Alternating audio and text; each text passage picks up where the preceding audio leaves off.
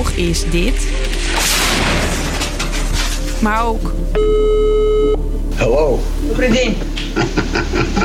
Good to see you again. veel praten in de hoop er nog uit te komen.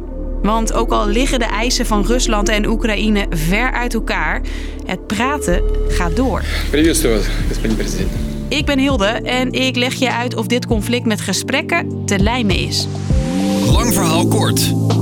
Een podcast van NOS op 3 en 3FM. Wereldleiders plegen het ene na het andere belletje naar Moskou, zegt oud-topdiplomaat Ed Kronenburg. Iedereen probeert wat in zijn vermogen ligt om Poetin tot andere gedachten te brengen. De strijdende partijen praten ook onderling met elkaar. Dat gebeurde donderdag nog in Turkije. Daar zaten de ministers van Buitenlandse Zaken van Oekraïne en Rusland met elkaar aan tafel. Zonder resultaat, zegt correspondent Iris de Graaf. Concreet heeft het eh, niet veel opgeleverd, nee. Het gesprek was ook niet zo lang. Het duurde maar iets meer dan een uur. En dat is niet veel, zegt Oost-Europa-kenner Bob Deen. Als je echt veel meer de diepte in zou willen gaan en verschillende eh, onderdelen zou willen uitonderhandelen, ja, ja, dan heb je veel langer nodig. Maar dit was ook niet echt een onderhandeling. Het was meer een eerste ronde van een bespreking waar we weinig verwachtingen van hadden en waar ook redelijk weinig uit is gekomen. Beide partijen hebben wel afgesproken om weer opnieuw met elkaar om tafel te gaan. Dat wel, inderdaad. Binnenkort dus in Belarus. Dan eh, vinden er een nieuwe ronde gesprekken plaats met die Oekraïnse en Russische delegaties. Het vierde gesprek. Want eerder kwamen ze ook al bij elkaar in Belarus.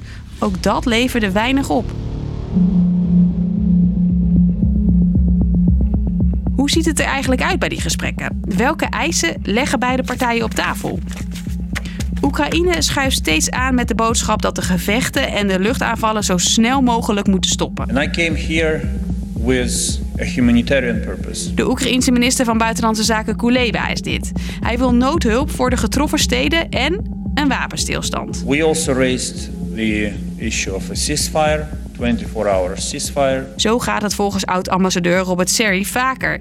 En hij kan het weten, hij zat ook aan de onderhandelingstafel in het conflict tussen Israël en de Palestijnen. Normaal, als je kijkt naar, naar een oorlog en hoe een oorlog dan meestal afloopt, dan begint het eerst met een staakt het vuren. Bijvoorbeeld een staakt het vuren van 24 uur. Dat is ook waar Oekraïne om vraagt, steeds om vraagt.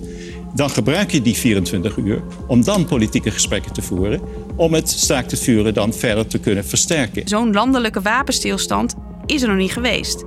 Probleem is volgens Serry dat Oekraïne en Rusland met hele andere gespreksonderwerpen aanschuiven. En nu is het dus eigenlijk allemaal een beetje in elkaar verward geraakt. Want die gesprekken, is mijn indruk, ook in, aan de grens daar...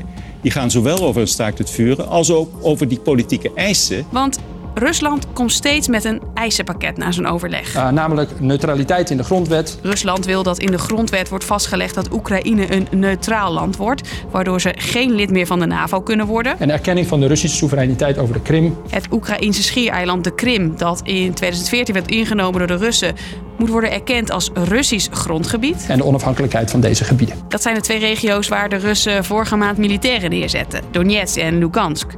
Ook wil Rusland dat Oekraïne gedemilitariseerd wordt. Dat wil zeggen dat ze hun wapens en troepen niet meer kunnen gebruiken en dat het leger zich eigenlijk overgeeft. Maar voor Oekraïne gaat dat veel te ver. Tot nu toe lijken gesprekken dus weinig op te leveren.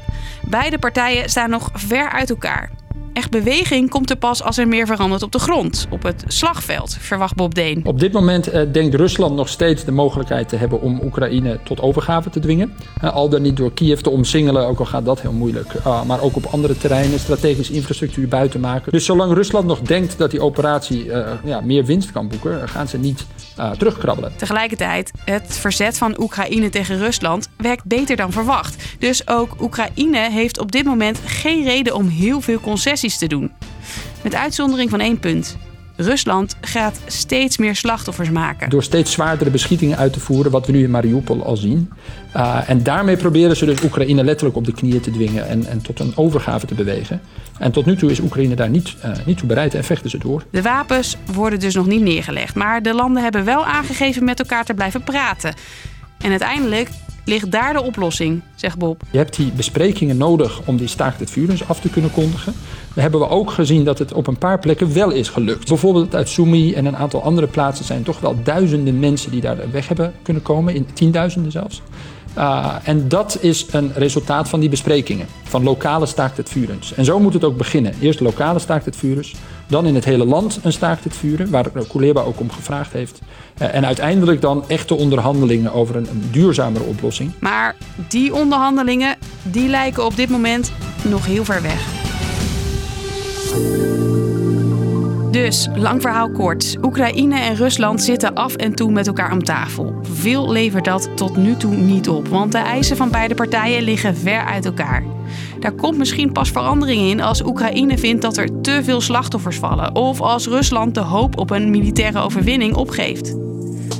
Dat was het weer voor nu. We zijn er elke werkdag om 5 uur weer met een nieuwe aflevering. Dank voor het luisteren. 3FM Podcast.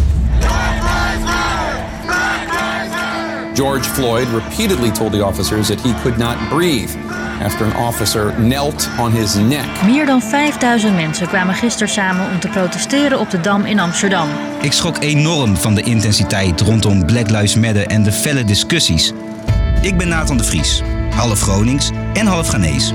Waarom is een gesprek over diversiteit, racisme en inclusie altijd zo zwart-wit? Durf je er nog iets over te zeggen? Of ben je bang om gecanceld te worden? In mijn podcast ga ik op zoek naar het antwoord op deze vragen. Luister nu naar de podcast Niet zo zwart-wit. Via de 3FM-app of jouw favoriete podcastplatform.